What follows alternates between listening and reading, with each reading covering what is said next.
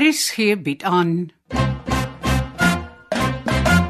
Huis op die hawe deur Andre Kotse.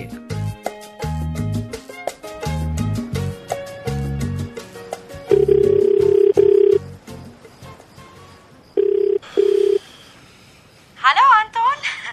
Dis die eerste keer in baie dae dat ek die eer het om deur jou gebel te word. Ek ek is jammer is al so laat in die dag kon nie, maar ek wil jou graag dringend kom sien. Is dit slegte nuus? Ek weet nie, ehm dit dit hang dalk van jou reaksie af. Wat se reaksie? Die reaksie op wat ek jou wil vra. Mm, dit klink belovend. Jy's baie welkom. Ek het jou mos al gesê. Jy's dag of nag welkom hier. Ja, dit dit was na 'n paar glase wyn in 'n ander konteks. Ek wag vir jou.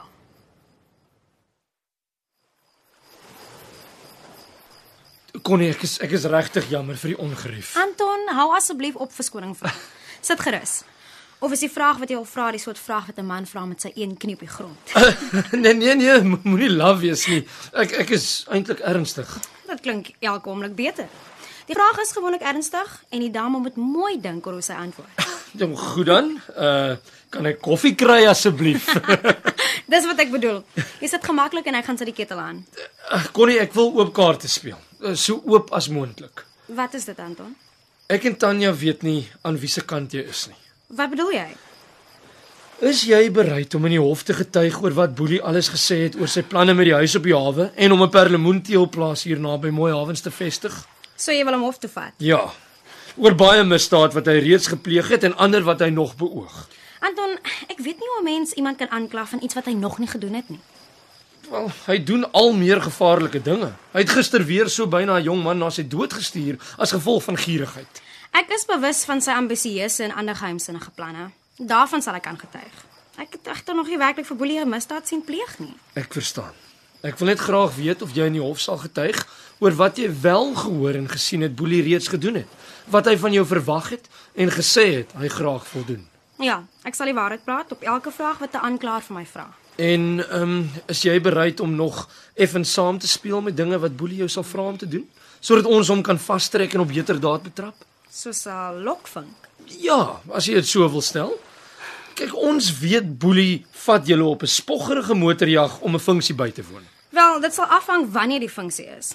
Maar as dit vir jou en Tanya sal help, sal ek dit vir jou doen. En nie vir my nie, vir reg en geregtigheid.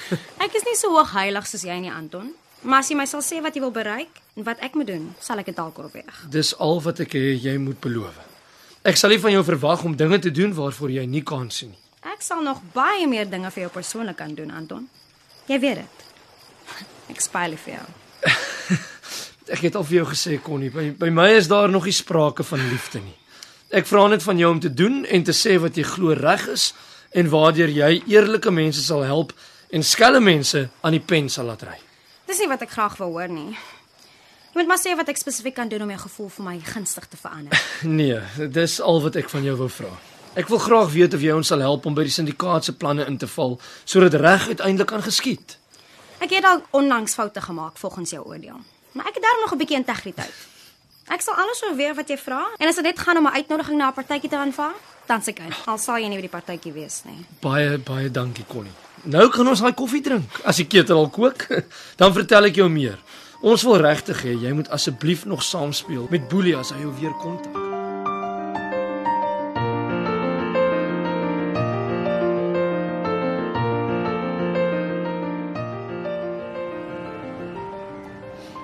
Anton.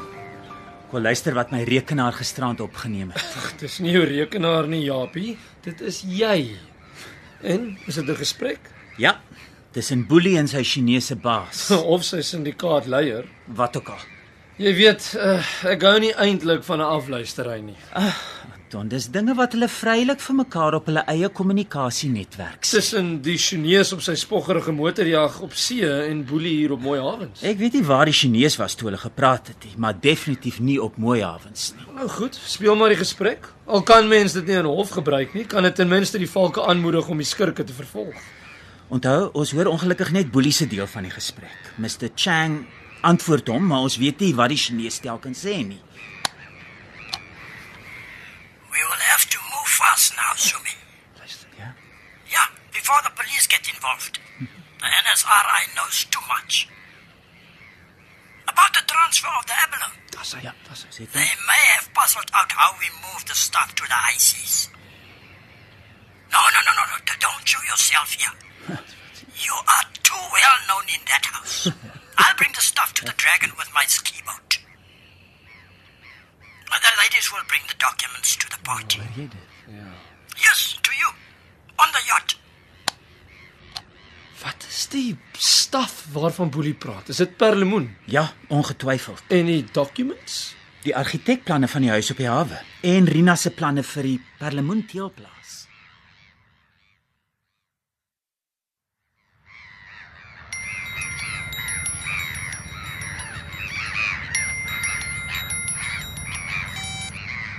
Connie, goeiemôre.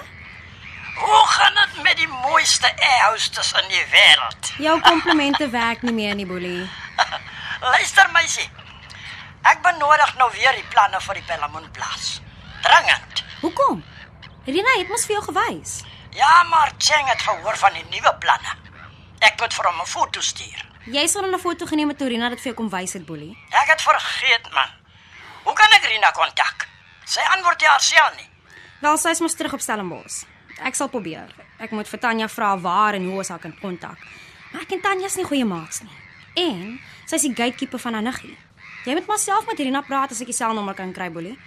Ek en Rina is ook nie meer op speaking terms nie. Dan sy my. Ek hoor julle wou mekaar so oor uitkrap omdat ek julle destyds albei gedate het. Koel net so 'n bietjie af al. Jy was nie so stad nie. Maar ek sal kyk of ek die nommer kan kry. Dankie my pap. Laat my weet hoe jy vorder. Hoe gouer ons daai Chinese tevrede stel, hoe gouer begin die dollars inrol.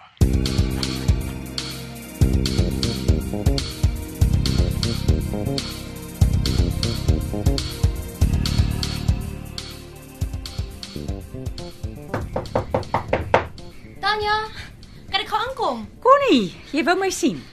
Ja, asseblief. Waarmee kan ek help? Onthou jy Rina het die teelplaas se nuwe sketsplan vir Boelie gaan wys en hy het gesê dis nie nodig om vir die Chinese te wys nie? Ja, hy sou 'n selfoonfoto neem om vir hulle te wys. Wel, Boelie het vergeet om 'n foto te neem. Kan ek dalk Rina se selfoonnommer kry? Sy kan dalk sommer direk met hom skakel. Dalk sommer self 'n foto vir hom stuur op WhatsApp. Rina het 'n paar foto's op haar foon. Dalk. Dankie Tanya. Ah, ek sal um, laat weet wat sy sê. Connie, kan jy later vanmiddag hier by my kantoor 'n draai kom maak? Anton sal hier wees en ons eh, wil vir jou iets vra. Goed so. Geen my net 'n lykie as sy hier is.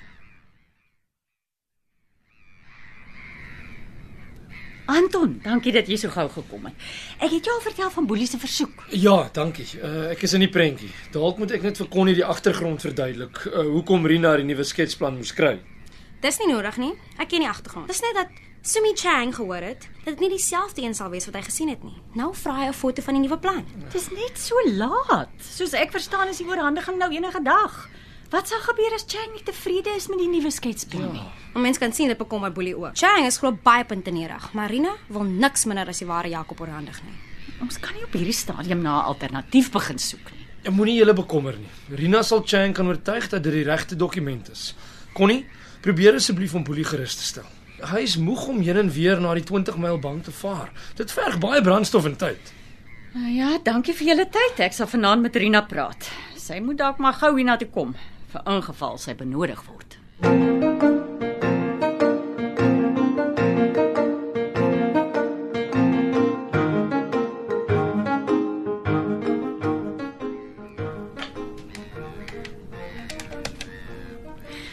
Pauline, kry asseblief vir Rina op die lyn en moenie ons probeer afluister nie, Pauline. Hallo my kind, hoe gaan dit op Stellenbosch? Hi Tannie. Nee, lekker. Ek verlang net baie na die huis. Watse punte het jy toe vir jou vakansieverhandeling gekry? net net my 80% gehaal. O, oh, seker die mooi onderwaterfoto's en die hommeltuig lugfoto's. Ek dink ook so. Rina, hoe gou kan jy vir 'n paar dae hiernatoe kom? Ah, uh, redelik gou. Die akademiese jaar het nog nie werklik begin nie. Eerstejaars hardloop nog rond op kampus met oriëntering en joel.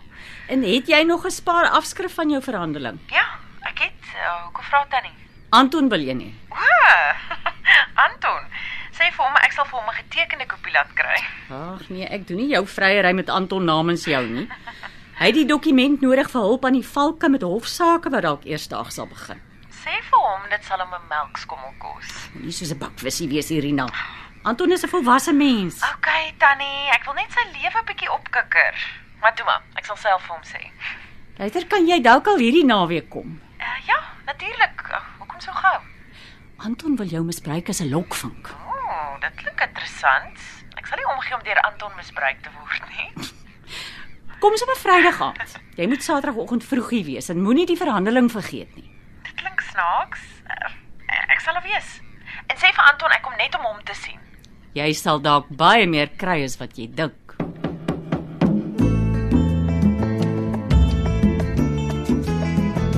Uitgeluister na Huis op die hawe deur Andre Kotse. Die spelleiding is behartig deur Ronel Geldenhuys en die tegniese en akoestiese versorging is gedoen deur Cassie Lauers.